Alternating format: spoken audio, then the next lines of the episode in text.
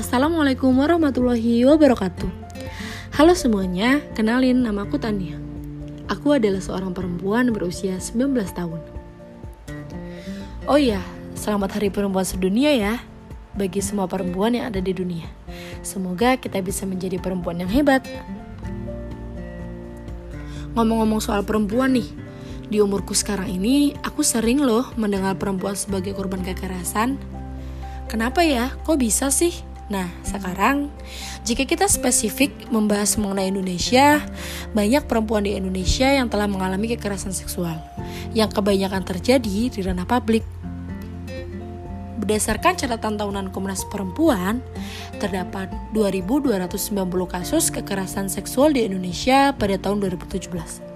Sedangkan hasil riset dari Yayasan Plan Internasional yang membahas tentang bagaimana kota yang aman dan nyaman bagi perempuan menunjukkan 56,8% responden menyatakan bahwa fasilitas yang paling aman adalah fasilitas pendidikan.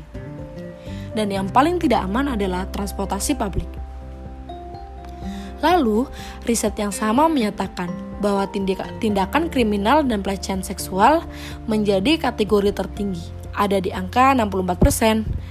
Dan untuk ruang publik yang dinilai paling tidak aman adalah trotoar dan kamar mandi umum.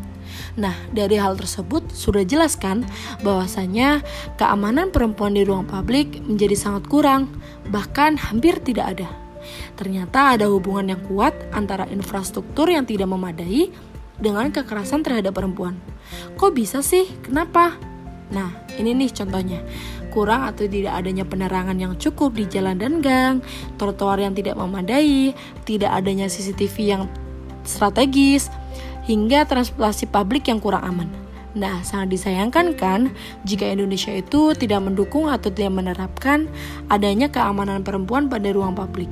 Karena perempuan itu kan memiliki hak untuk merasa aman di ruang publik tanpa dibebani rasa takut akan pelecehan dan kekerasan.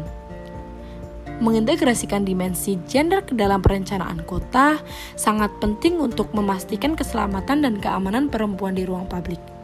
Jangan sampai ruang gerak para perempuan menjadi terbatas hanya karena mereka merasa tidak nyaman dan aman ketika berada di ruang publik. Karena sekarang kan perkembangan zaman sudah sangat pesat dan juga perempuan tidak hanya di rumah saja. Perempuan itu butuh keluar untuk berpergian, butuh keluar untuk bekerja dengan rasa aman. Nah, kadang juga banyak tersangka kekerasan seksual yang kurang edukasi sehingga mereka merasa hal tersebut tidak merugikan bagi perempuan. Dan juga mereka hanya memikirkan kepuasan mereka saja.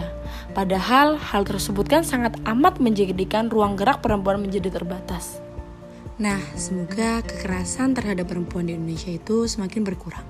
Dan kita sebagai perempuan merasa aman dalam melakukan banyak hal. Sekian, sampai jumpa. Wassalamualaikum warahmatullahi wabarakatuh.